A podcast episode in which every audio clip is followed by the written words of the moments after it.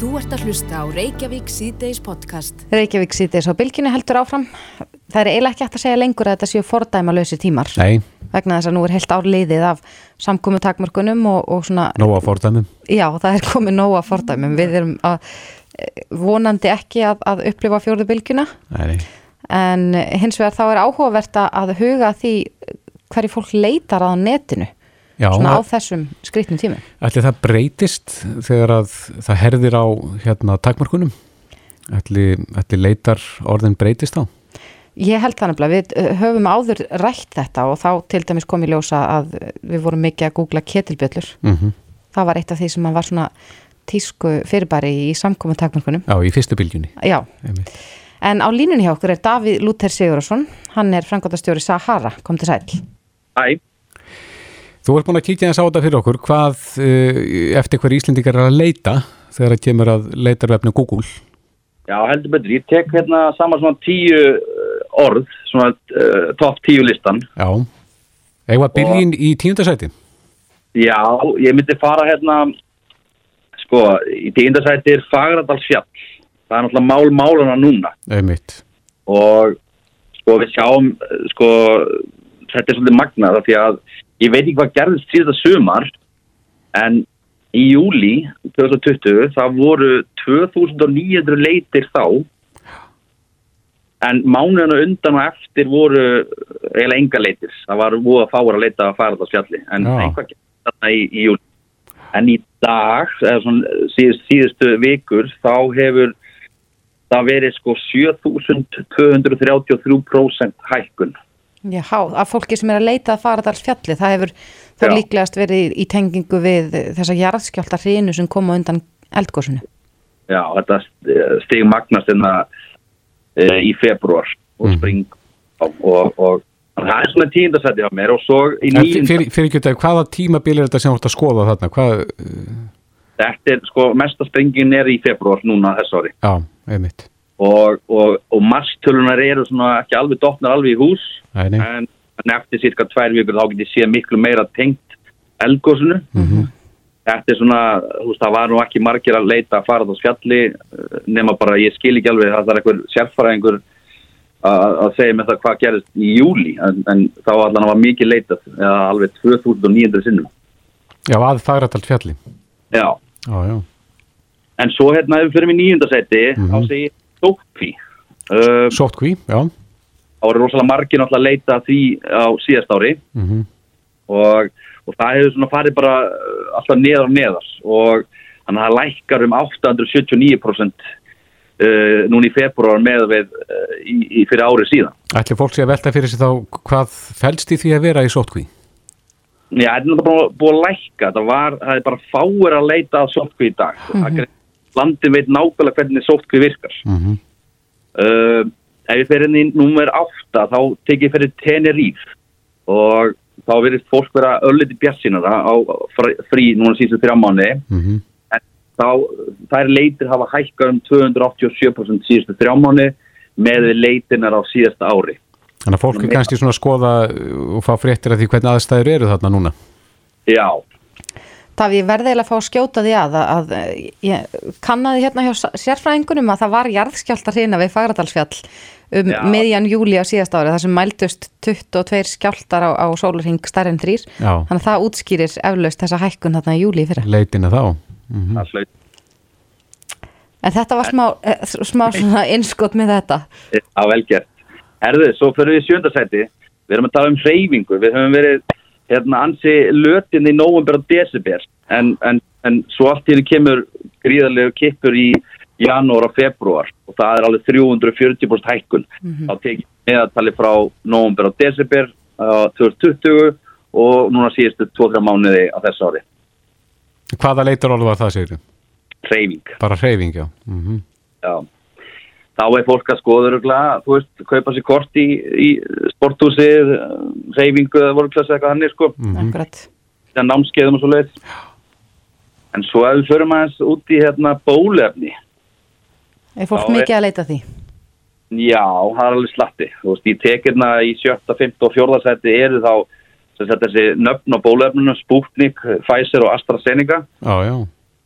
Þá er Sputnik ekki að vinsælt og, og hinn í leitum en það er allir að leita af AstraZeneca. Það er alveg 504% hækkun hérna síðustu 3-4 mánuði. Þannig að það er greinlega mikið forvitni uh, af, af landanum að vita hvað, hvað AstraZeneca efnið er uh, já, um, um efnið bara. Mm Það hefur verið mikið rætt um þetta efni svona út af aukaverkanum öðru.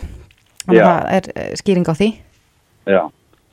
Svo hérna í þriðasetti þá er það orðið eldgós en það er uh, 152% aukning uh, á, á orðinu í februar uh, frá meðatali síðustu 12 mánuða en, en bara eða janúar og februar þess ári er 120% aukning þannig að alltaf því meiri skjálta voru þá fór fólk meira að googla hérna eldgós. Akkurat. En þetta, þetta eru ekki tölur frá síðustu vikum frá því að eldgósi hófst. Nei, því miður. Það verður kannski eftir tvær vikur. Mhm. Þá fær sjóðandi heitar tölur. Já, en þetta var í, í þriðarsætti segirum. Þannig að nú farin að nálga stoppin. Já, þetta, það var eldgósið. En núna förum við í nummer tvö og það er feðurstofan. Og þá, sko 236% aukningu í februar uh, frá því í janúar. Þannig að það voru greinlega mjög margir að googla veðurstofan í, í februar. Já, fólk hefur verið á skjáltavaktinu svolítið þar. Það heldur betur, heldur betur. En svo við förum í toppsætið, þá er það, na, þá er það jarðskjálti og þá sjáum við 515% aukningu í leitum á orðinu jarðskjálti í februar frá meðaltali síðustu 12 mánada eða 1326% aukningu februar frá janúar á þess ári. Þannig að þetta flóður úr kannski 1900 leitum í janúar upp í 27.100 í februar. Já, þannig að þetta trónir svo sannarlega á toppnum. Já, Þetta betur. leitarorð. Já. Það er eiginlega merkilegt að heyra hennan lista og þetta lýsir svolítið ástandinu og, og svona frétta flutningi síðustu vikna og mánuða. Algjörlega, algjörlega. Bóluefni, jarðskjáltar og eldgós. Já. Akkurat. Já, við þurfum bara að heyri þér aftur, Davíð, þegar að, eh, já, út að nú er náttúrulega nýbúið að herða tökin hérna innanlands og þá er spurning hvort að fólk sé aftur farið að leita sér að ketilbjöllum eða ekki. nákvæmlega, nákvæmlega. Já, það er gaman að heyra ykkur kannski í tværta byggur. Þá er ég með sjóðandi heita tölur frá, frá eldgósa tímanbílunni sem að það er að byrjar hérna í mars. Já, við eigum þegin í höfður, Davíð Lúter Sigurðarsson, frangotastjóri Sahara. Takk fyrir þetta. Takk, takk. Æ. Þú ert að hlusta á Reykjavík C-Days podcast. Reykjavík síðdeis, menn er í óðaði núna við að koma upp uh, farsóttarhúsum. Já, frá og með morgundeginum munu þeir sem að koma frá sko, þessum dökk rauðu svæðum eða löndum Já, og líka þeir sem kom frá gráum löndum sem eru þá með óskilgreinda smittstöðla eða eitthvað slíkt Mhm. uh, þá þurfa þeir að fara í, á, í sótkví á uh, farsóttar, í farsóttarhúsi á Já. hóteli og þetta kemur svolítið snögt upp. Uh, Gilvi Þór Þorstensson, umsjónamaður farsóttarhúsa Rauðakrossins, er á línunum, kom til sæl. Sælverði. Já, þú ert í óðaði núna við að, er það ekki að undibúa verkið og, og hérna setja upp aðstöðu? Jú, Rauðikrossin er bara í þessum orðum töluðum að uh, leggja svona loka hönd á þann undirbúning. Hvar uh, eru þessi hótel sem að hýsa Við mannskapin? erum, við erum núna að klára hér á, á Fosshotel Reykjavík, mm stóra hótelinu hérna. Já, er þetta stærsta hótel landsins? Mér er sagt það já. Mér er sagt að þetta er stæðsta hótel landsins. Já, hvað, hvað fáið þið margar hæðir eða mörg herbergi undir þetta? Við, við tökum allt hótelið. Hvað, hversu mörg herbergi er þetta og hversu lengi mun þetta duga áður en þið þurfið að leita annað? Þetta er uh, að ég held 320 herbergi. Uh, við erum nátt- nú ekki komið staðfestan gestafjölda en þá. Þannig að við getum ekki sagt hversu lengi þetta muni duga. En það er alveg viðbúið að, að það verði nú ekki lengi að, að, að fyllast hjá okkur sko. Við höfum heyrt af því að það sé tölurveru ströymur af, af fólki sem ætlar að leggja leið sína hingað um páskana. Gerur þið grein fyrir, getur þú gert þér í hugurlund um hversu margir það eru sem er að koma frá þessum svæðum? Uh, ég veit að það eru þrjár vélar á morgun sem koma frá þessum svæðum, þessum dökkröðu svæðum. Uh, við vitum náttúrulega líka að einhverju farþegar í öðrum vélum hafa komið í gegnum dökkröðu svæði, þannig að það þarf að huga að þeim líka. Mm Uh, farþegarlistarnir uh, liggja nú kannski ekki alveg fyrir framann augun á mér en þá, þannig að ég get ekki sagt hvað þetta eru margir aðilar, en, en þetta er þó nokkur fjöldi. Er nýtiði starfskrafta hótelstarfsmanna? Það er að segja, er, eru kokkar og, og uh, almennt starfsfólk, er það virkjað í, í þessu verkefni? Já, það er virkjað. Við erum bæði með starfsfólk hótelins, hótelsins hér við ákveðin þrif, við uh, í eldúsi og í andriða lobby. Uh, síðan erum við aukalega með uh, sóttreysi þrif hér, sér aðeins því. Við erum með um 50-60 starfsmenn frá Rauðarkrossinum, það eru öryggisverðir, þannig að þegar allt talið að þá er þetta öruglega vel yfir 100 mann sem að, sem að koma að þessu hótel einu. Mm -hmm. Verður það í ykkar verkarhinga að, að fylgjast með því að fólk fara ekki út af hóteluna, að brjóta ekki sótkvinna? Það verður í verkarhing okkar já og, og hérna gestana sjálfa. Við náttúrulega tæstum á, á hérna, gott samstarf við, við gesti hótelsins og ég held að og vona að fólk síni því skilning að, að þetta er svo algjör sem að sóttvarna yfirvöld telja nöðsynlegt og, og hérna og því vonum við að gestinni síni því bara skilning að það, það, þetta er ekki okkar ákverðum uh, það er verið að hugsa um hag þjóðarinnar með þessu mm -hmm. og vonandi, vonandi er, er fólk tilbúið að, að taka þátt í því með okkur. Hvert er verklagið ef einhver reynir að fara út? Verklegið ef einhver reynir að fara út, fyrsta lagi reynum við nú að, að tala viðkomandi nú aðeins til og reynum að benda um að það að hann sé nú að verði kallt úti í, yfir páskana, það eru rók og leðenda viður, þannig að sé nú líklega miklu betra við bara hér á hóteli. Mm -hmm. eh, ef viðkomandi hlustum ekki á það og fer bara út, að þá eh, þurfum við að láta yfirvöld vita að, að viðkomandi sé farin, svo hægt sé þá að, að fylgja því eftir hann, hann annarkvært sinni, sinni sótt því á þeim stað sem hann segist alltaf vera á. Hvort því fylgir einhver sekt eða eitthvað slíkt, það er ekki mitt að segja til um það en, en mér finnst það ekki ólíklegt.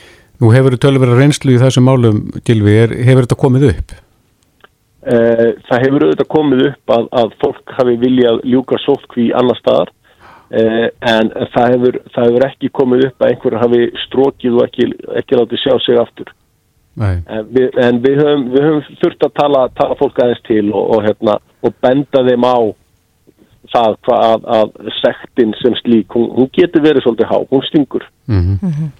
Það kom fram í fréttum gerdagsins að, að, að það verður öllum líkindum líka hótel í Reykjanesbæ og, og þar voru þeir að skoða það sem heitir BB hótel á Ásbrú, er búið að taka ákvörunum hvort að það verði já, næsta farsóttarhótel sem opna verður eftir að fosshótelið í Reykjavík fyllist? Ekki mér vitanlega.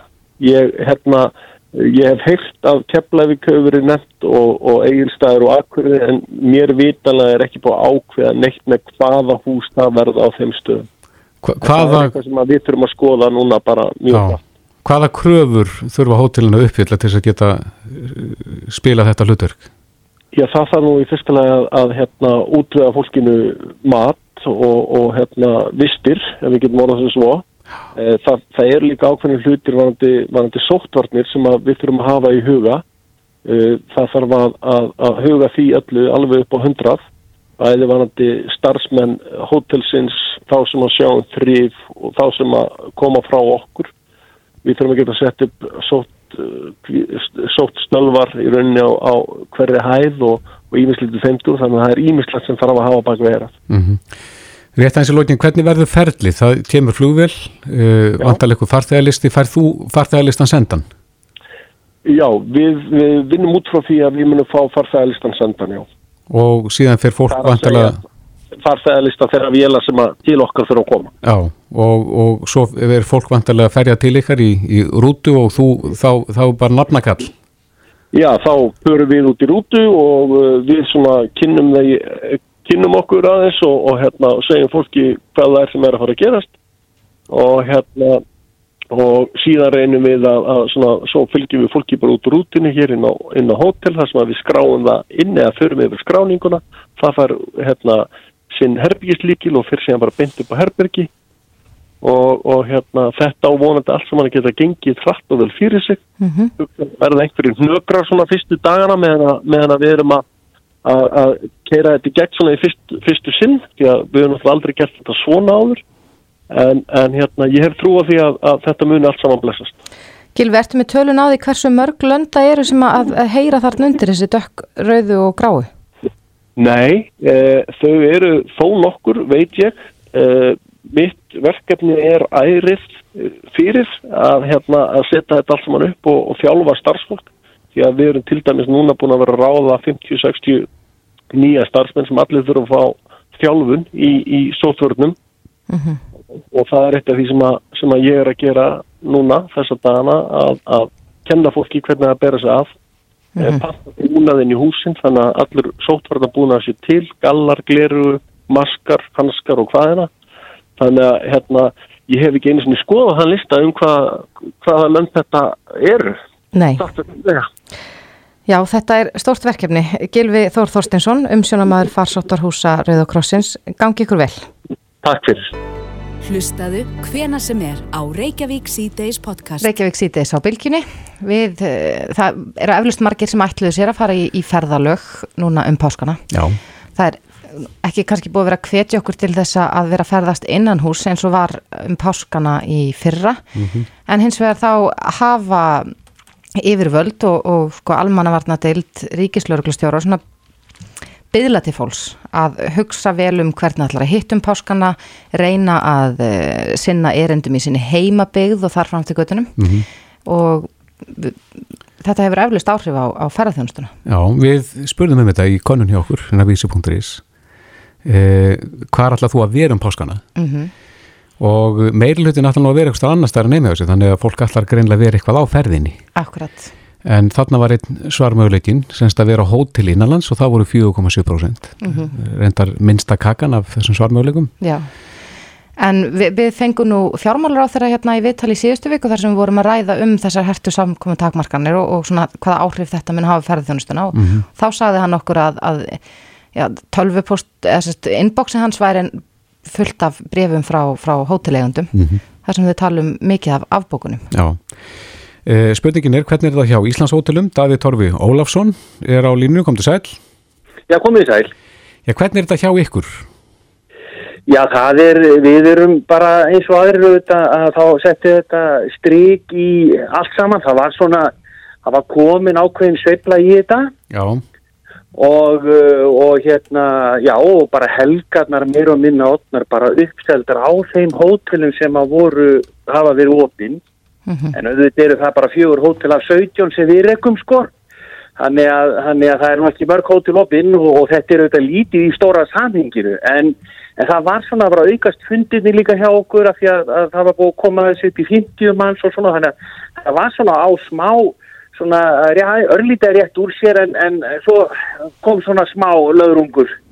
Og, og, og svona já, og við höfum fundið fyrir því og það hefur verið tölvört um ábókanir þó allt sé ennþá opið hjá okkur og við getum tekið á móti fólki og, og við erum orðið svo vönið sem er sóttarnir þar að, að, að það er ímiskefið í að slaka á þannig að það er bara, þetta er, er tildulega auðvilt fyrir okkur að, að reynda þessum takkmörgum í framkvæmt núna og þannig að það er allt opið og við getum alveg tekið móti fólki, það er, það er alveg á hreinu. Akkurat, en Davíð, funduði greinilega fyrir því þegar að þess, þegar reglurna voru hertar núna eh, fyrir stötu síðan? Já, við fundum, það er bara mjög fljótlega fór að koma að bókanir og fólk ákvað þá bara að, að hingra með, með svona hóteldvalir allavega töluvert en, en, en ég er ekki að segja að það að alltaf á nulli sko alls ekki, við erum alveg með fólk og fleira en, en við fundum fyrir þessu. Já, en hvernig lítur annars sömarð út? Við veitum að Íslandingar voru döglegir að kaupa það voru margar hótelkeðjur með tilbóð þar sem gæst keift uh, einhverja gistinætur á tilbóðsverðum og annað slikt og, og ég fór nú ansi við það síðasta sömar og sá að þar var, var mikið um að vera á hótelum. Já, já, síðasta sömar var bara rosalega skemmtilegt og það var gama hvað Íslandingur var döglegur að ferðast um landið. Íslandingur var að sama tíma uppgötum já, það að Íslensk ferðarþjónustin er bara komið mjög langt og, og við erum bara orðin svona bísna góði að taka um út í gestum En hérna, en, og það verður alveg, við finnum það alveg að það er mjög mikil spenna fyrir sum, sumrinu núna, eh, hvort það verður alveg sama brjála en ég veit hann og ekki alveg, en eh, það, ég sé það og við líka hjá okkur, við erum að koma út með tilbóð og, og það er aðra að gera það, þannig að það er að þjónast að mjög stíla heilmikinn og Íslandingin aftur eins og var gett í fyrra. Já. En hver er nýtingin á hótelunum? Þegar við tölum við þið síðast að þá voru nokkur hótel lokuð, svona vegna ástandsins, hvernig er staðan í þeim málum? Já, eins og ég sagði áðan sko, þá eru bara fjögur hótel opinn hjá okkur af 17, þannig að, þannig að þetta eru þetta allt mjög skrítið ástand. Og, og nýtingin er, já, hún er svona bara, eins og ég segi, helgarnar voru orðnar meira og minna uppseldar en, en hérna, en og sum hótelum voru opinn bara um helgar hjá okkur og eru þannig, þannig að, að svona heldar nýtingin eru þetta mjög lág sko í samhenginu. Og stefnið á að, að hafa það þannig í sömar eða munu fleiri hótel af þessum 17 opna? Nei, nú, nú sko bara byrjum hérna strax í mæ að fara að opna fleiri hótel og svo í júni, júli, ágúst þá verðum við með oppan á okkar hótelum opið. Já, er þetta eh, hérna lands, landsvæða bundið, það er þess að lok, lokuð og opin hótel? Já, við erum eiginlega svona, búna, við erum þetta þannig, við erum með opið, sem sagt, fórsáttil Jökulsarlón sem er hérna að- í Örafarsveitinni, það er opið, uh, við erum með opið á Húsavík, svona til þess að kofera Norðurlandið og svo erum við með Reykjolt í Borgafyrði opið og svo Grand Hotel hérna í Reykjavík. En í sömar verður við svona meira og minna, landsbygðin verður öll meira og minna opið hjá okkur næsta sömar. Já, fólk tók mjög vel í þessi tilbóð ykkar síðasta sumar. Já, mjög og fólk bara kaupa tíu næ- nætur og, og, og gætt svona bara bóka þetta vild og ferðast á milli hótela og, og var bara að upplifa Ísland á, á svona þann hátt að geta gert það með því að gista hótelum og svona og það er bara var nýtt fyrir marga og mjög skemmtilegt. Mm Ætlaði að bjóða aftur upp á, á svipu tilbúða núna í sömar? Já, við munum koma aftur út með tilbúð þannig að það verður alveg bara mikil stemning, við munum kynna þau strax eftir páska. Og hundar velkomnir. Og hundar velkomnir á öll okkar hótel. Gafst það vel? það gafst mjög vel og, og bara Íslendingur tók mjög vel í það Já. en þetta er allt undir ströngum reglum og þú veist, hundurinn er ekki hann má ekki verið í veitingasalnum og annars lít þannig að þetta eru svona umgengnisreglur sem að þarf að uppfylla en þetta gafst mjög vel og við vorum ekki með þetta á öllum hótelum í fyrra en við erum sett búin að fá leiði fyrir því núna að vera með hunda á öllum hótelum Já. Við óskum ykkur góðs gengis, Davíð Torfi Ólásson, Frankvandastjóri Íslands hótela. Kæra þakkir og gleðilega páska.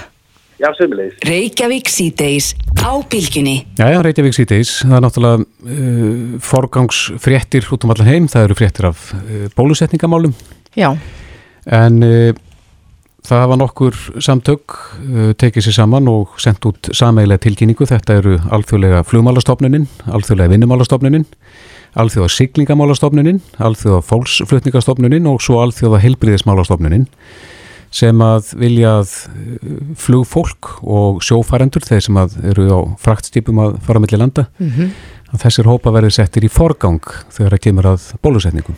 Já, við höfum auðvitað heyrt þetta áður, þetta það hefur verið talað með hér á landi að, að þeir sem að, að, er í þessum störfum um, ættu að fá bólusetningu vegna þess að, að starfa sinna vegna þurfa að ferðast mögulega til landa þar sem að, að smitiru fleiri en ég sagði þessari tilkynningu, um, þessari áskorunirinu veru til stjórnvalda um, allra landa að þá er líka talað um sko efnaðslega áhrif þessa að þe- þessir einstaklingar fái ekki bólusetningu að þetta geti haft áhrif bara hreinlega á sko fluttninga á vörum og, og, og þýmlíkt. Já, akkurat.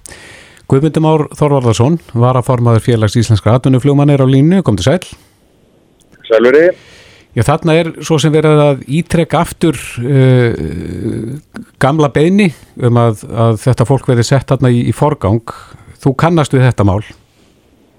Jú, jú, við kunnumst við þetta og, og höfum svona reynd að taka þátt í því og, og hérna, hvað við segja, tala fyrir því að hérna færa flugáhafnir til dæmis framar í fórgarsöðuna. Já, en, en það hefur ekki verið hlustað á ykkur eða?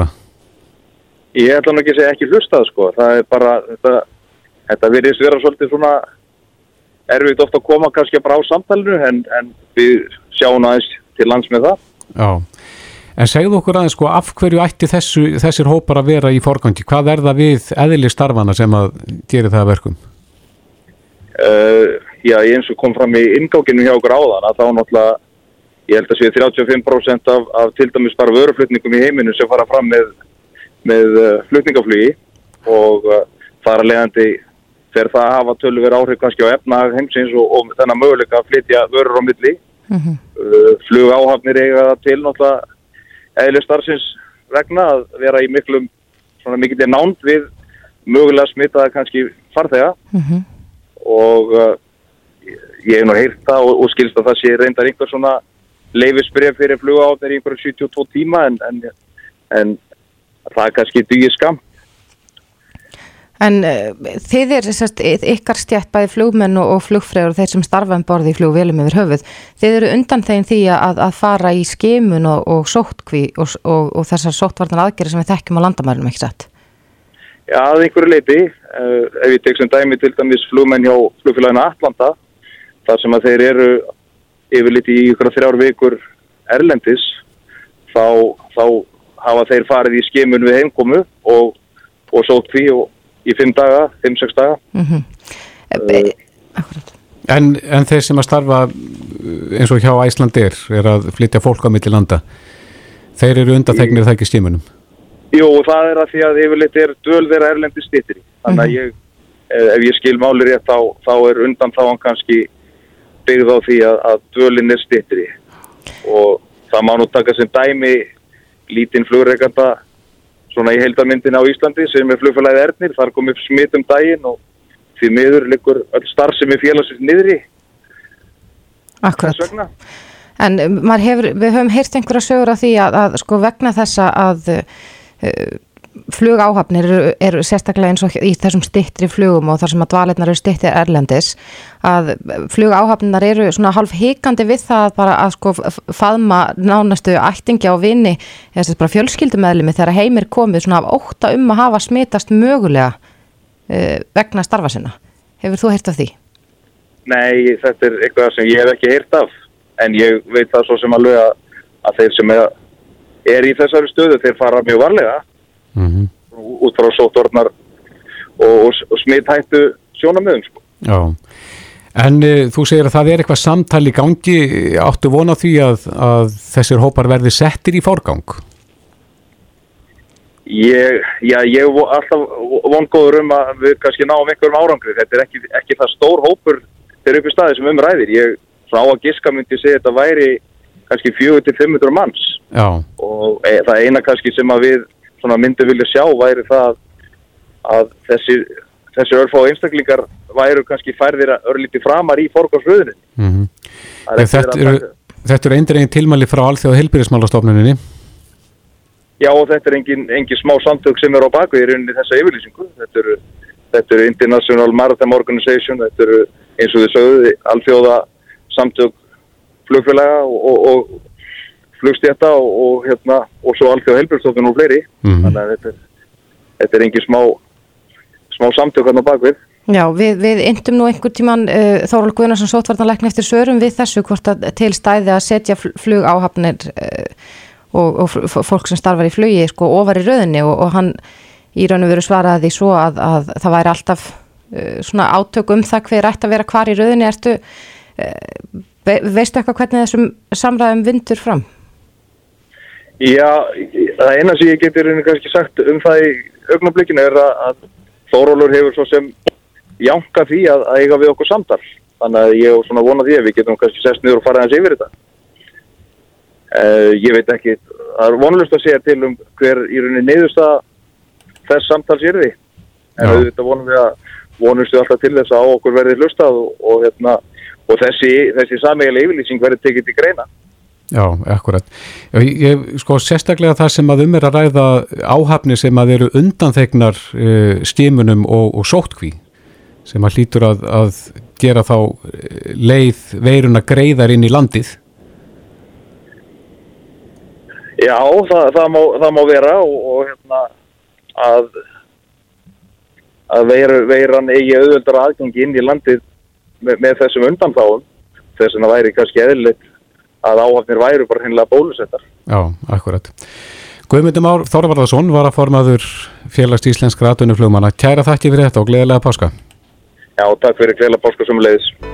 Þetta er Reykjavík C-Days podcast. Reykjavík síðdeis heldur áfram eins og já, við höfum sagt oftar en einu sinni hér þá hafa allir og amaðira farið upp að, að, að eldgósinu Og bætist í þann hóp. Og svo sannarlega á hverjum einasta degi. Þetta er orðin þvílikur fjöldafólki og eflust margir sem ætla þangað um páskana. Mm En við eh, höfum nú oft tala við mann um allt annað en þetta er Björn Rúnar Lúðvíksson, hann er prófessor í ónæmisfræð og yfirleiknir ónæmisleikning á landsbytalanum en mér skilst að hann hafi hlaupið frekar skemmtilega leið að gósinu. Kom til sæl Björn.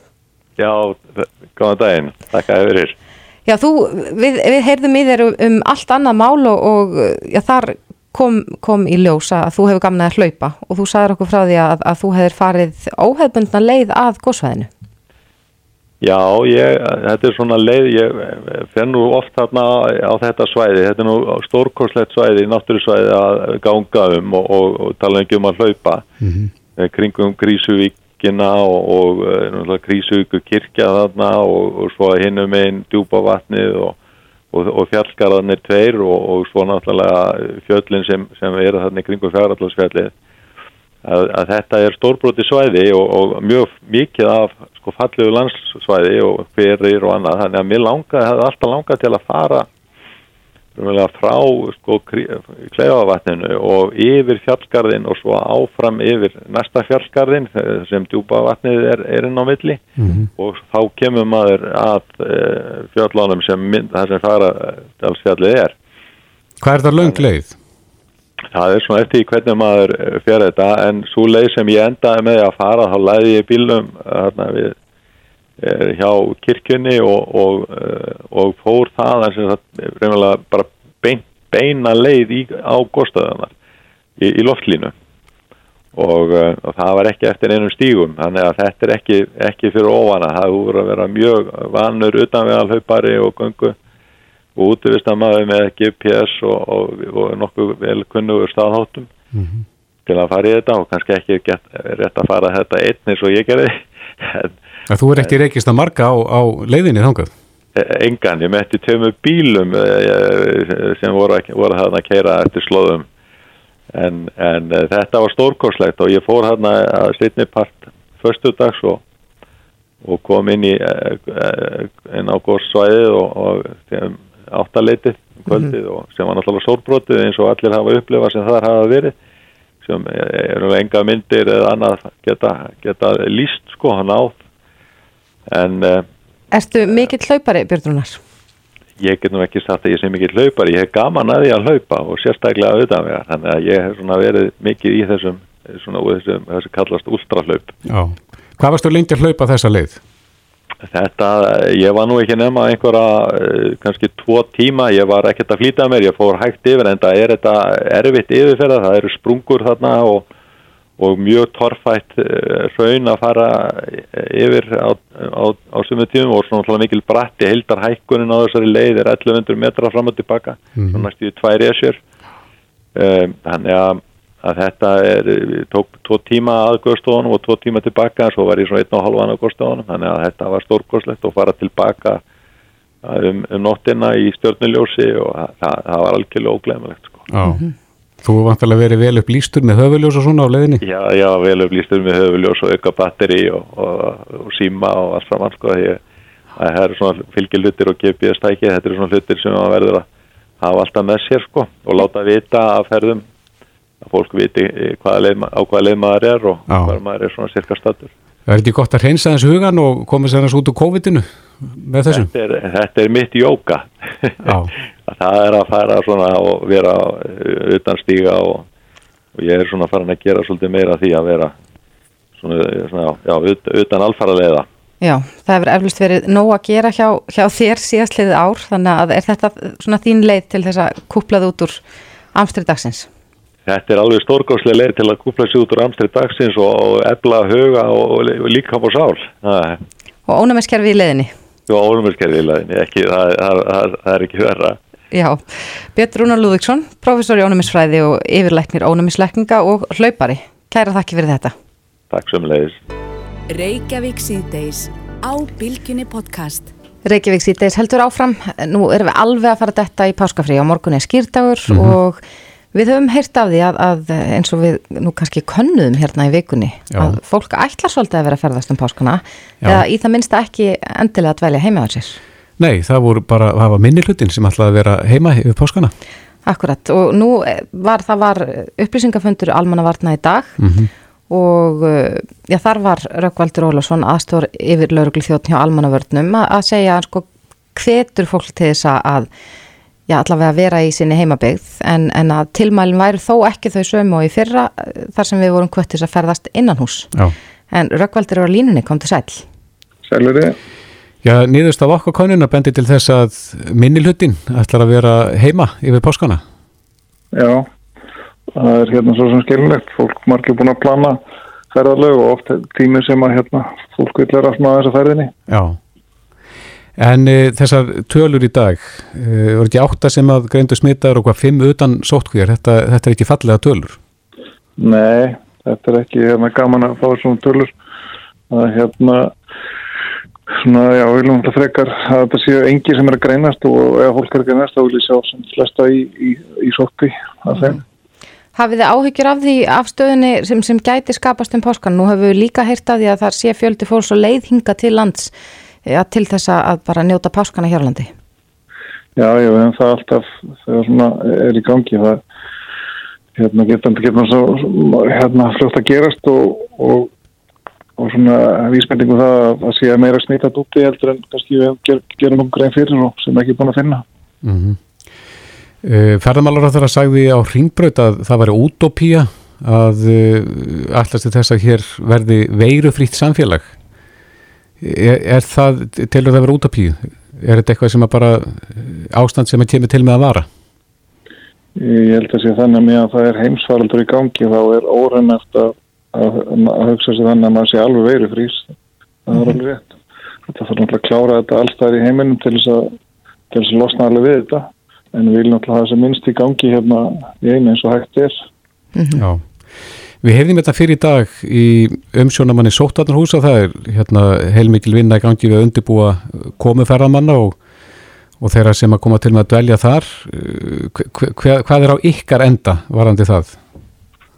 Það er bara svona að yfirsýna og, og þessi samhæfinga og þetta gangi allt saman upp þetta verkefni þetta er náttúrulega greiðilega stort og, og flóki verkefni og, og svona liður því að reyna enn betur að bæta í semst álandamenn og minka líkunar því að, að vera komist í dreifingu þá hún náttúrulega komist inn í landi með fólki sem að fara að ferast á milli mm -hmm. Við höfum líka heyrt af því að, að margir hafa í raun og veru hægt eða aflist páskafrís plönum sínum og fyrst við vorum nú að tala um ferðalögið náðan er í, í fyrra var í raun og veru staðan þannig að, að það var mikið ála á heilbreyðskerfinu og við vorum svo sem að hvetja fólk til þess að vera ekki mikið á faransvæti til þess að, að bara ekki hægt á slísum og annað slíkt. Hver eru svona ofinbyrju tilmælinn núna til þeirra sem ætli ferðalög? Já, en beð fólkum að það er sagt, ekki endilega að vera ferðinni eða ferðast ekki en á sama tíma sínir skilninga að fólk til þess að þurfa að vera ferðinni og, og langar að fara í sjömbústæði að hitta vín og ættingja. Og við kveitum hann líka fólk til þess að vera einmitt ekki að, að hitta mikið af fólki þegar ef það, þarf að fara út fyrir svona sitt svæði.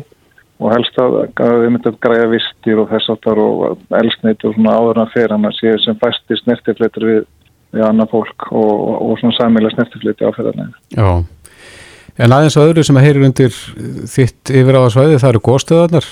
Uh, hvernig metur þau páskana svona með tilliti til ferðarlega upp á góðstöðar?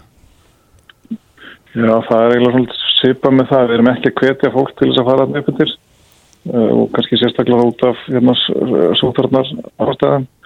En ef fólk er að fara þarna, þá hvetja fólk til þess að að gera ástafanir og, og, er reynilega verið að skoða hvort við erum bara að setja á grímur skildu þarna upp á sæðinu en allavega hafa þannig að fólk noti grímur þegar er nálægt verið fólki.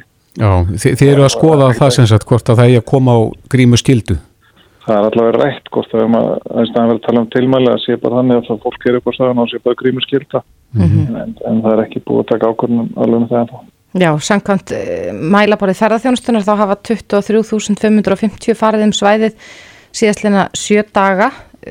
Búist við mjög mikill trafík núna um páskana þegar fólk er í fríi og, og kannski lítið annað hægt að gera? Já, já, það er alveg viðbúið það verði og ég veit að, að félag okkar á Suðunisjónum sem eru með það, þeir viðbræðsarlar sem eru með þetta verkefni í höndunum eru að búa að sendi það og það er búið að gefa út hvernig svona stemt að hafa opnuna um páskana og þá tala um opnusæðu kl. 6 á mótni og, og því er lokað aftur kl. 6 síðdegið og, og en náttúrulega ef að það er eins og gerist í gæra sem voru gríðarlega ásókna og öll bílastæði klossfull og komið byrjuð langt, langt eftir grindækvegi þannig að þetta loka fyrr Já, er einhver grunur um að einhver hafi smitast á þessari leið? Ekki ennþá. Það er engin gorki sótkví eða einangrun sem að neitt sem að, að tali tengjast þessu svæði allar ekki eins og konar Við hvaða aðstæður hérna væri líklegast að fólk gæti smitast? það er að fólk stendur þétt saman og, og hérna, getur ekki fjarlægt. Já, reypið, það hefur nú verið mikið talað um það? Já, já, það hefur verið talað um það líka sem, sem hérna, samanlega snertiflött og það eru gætið fólk til að nota hanska og spritta hendur fyrir og eftir ef, ef það er að nota reypið. Mm -hmm. Og náttúrulega margir að tala um að það var best að taka reypið bara í burtu En, en, en við vitum líka að þetta reypi hefur náttúrulega verið að forða slísum þarna að, og, og nóg er nú samt um slís það er tölvist um það þurfa að vera aðstofa fólk sem er að, að detta eða mistiða sig og þess að þess Já, en Rökkvaldur, sér þú fram á að fá eitthvað páskafrí? Uh, ég raunum ekki ég, hérna, við þurfum að vera vakandi yfir þessu út af þessu breytingum á, á landamærunum og það er uh, sóttamátilinn og líka til þess að geta við stöðningu við félag okkar og stöðnisum þannig að það er kannski ekki mikið frí þessa páskana. Nei, þú verður bara í uniformi alla páskana? Ég býsti því, já. Já. Raukvaldur Óláfsson, aðstofar yfir lörglu þjótt hjá Almannavarna Deild. Kæra þakki fyrir þetta en við segjum nú samt gleðilega páska. Já, takk fyrir gleðilega páska samanlegis. Reykjavík síðdeis, við ætlum að þess að kíkja á Dasgrá stöðvar 2 mm -hmm. uh, framöndan. Uh, þátturinn offsóknir hefst á mánudaginn á stöðu 2. Já. Þetta er þáttur, það sem að eru tekin við tölvið þólendur sem hafa þurft að þóla ofsóknir. Akkurat. Það eru þetta búið að breyta eins sko uh, þessu lagaumkörun í kringum eldirhella til dæmis. Mm -hmm. við, við sáum farið gegnum þingið um daginn lagafrum varpum um umsáturs einelti held ég að hafa verið kallað þar. Einmitt. En Sunna Karin Sigurþórsdóttir er komin til okkar, velkomin. Takk fyrir. Þú stjórnar þessu þætti. Hvað, hvað ætlar að sína okkur í þessum þáttum? Við ætlum að fjalla um ásóknir, eldirhella. Mm -hmm. Þetta er vandamál sem er til víðast hver í heiminum, líklega allstaðar um, og þetta er, þetta er algengar að maður heldur hér á Íslandi en eins og þú ert í spenti á þá hefur hinga til ekkert verið hægt að gera í þessu, það hafa ekki verið til neyn lög í kringum þetta þannig að það er kannski ekki hægt að segja að það hafi verið löglegt að ofsækja fólk en samt svo gott sem þar sem að, að í rauninni það er engin við lög og þú getur bara haldið þessari hegðun áfram eins og þau sýnist þar sem að, að það eru í rauninni bara engin, engin viðurlega við þessu sko. Já, voru fá svona úrræði.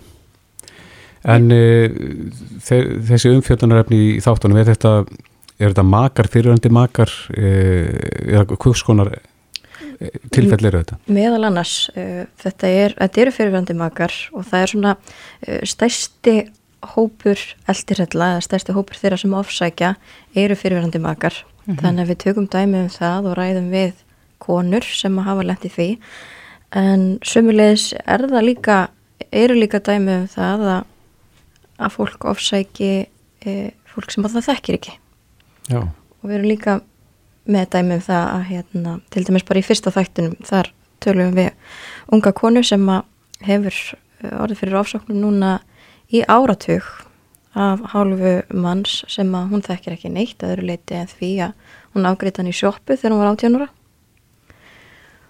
og já, þetta er, þetta er svona þetta er svolítið vitt sko Hvaða úrræð eru til fyrir svoleiðis konu? Það er bjarkarlýð fólk getur leita til bjarkarlýðar mm -hmm. en annars er meld með því að fólk eh, hugja sinni andlígu hlið þar sem að að viðlaun hafi ekki verið einn fram á þessu mm -hmm. En þú segir þetta eldirhelli sem er búin að uh, sitjum hana í áratug uh, hvernig þá? Hann situr fyrir þetta húsæðinar hann ringir viðstöðu löst sendir skilabóð um, eldir hana hann hefur sérst fyrir þetta leikskóla sonarinnar hann fylgist með aðstandamennar uh, basföðurinnar fóreldurumennar Og hvað vill hann? Hefur það komið fram? hann vill vera maðurinn hennar mm -hmm. faður barsins hennar. Þannig að, að í að öllum líkendum þá einhver geðran vandamál þar að baki? Já. En uh, nú er búið að, að lögfasta þessar reglur, við höfum, töluðum nú bara um það síðast um daginn sko í tengslum við þetta mál þar sem að kona steg fram og, og lísti sko ofsóknum af, af hálfu uh, manns sem hafi verið, þetta hefði gengist í nokkra mánuði. Hefur til dæmis þessi viðmælandi þinn, hefur hún fengið nálgunabann á viðkomandi? Já, það er í raun það sem hefur verið hægt að gera í þessari stuðu. Það er hægt að fá nálgunabann en það dugur hins vegar skamt þar sem að uh, það er einhver aflýðingar af því að brjóta nálgunabann. Mm -hmm. aðrir en það er bara að viðkomandi er kallaður í skýslutöku hjá lauruglu og þetta fyrir á skrá en annars getur hann bara haldið upptökunum hætti eins og honum sínist. Mm -hmm. Eru skýrar kynjalínur í þessu? Er, eru, eru til konur sem að setja um karla? Það eru til konur, já, en ríflega 90% eru karlmenn sem að afsækja. Já. Hvað er þetta margir þættir í, í þessari þáttaröð? Það eru sex þættir, fyrir mándaginn, klukkan átta. Já, Sunna Karin Sigurðósdóttir, takk fyrir þetta. Takk fyrir. Þetta er Reykjavík C-Days podcast.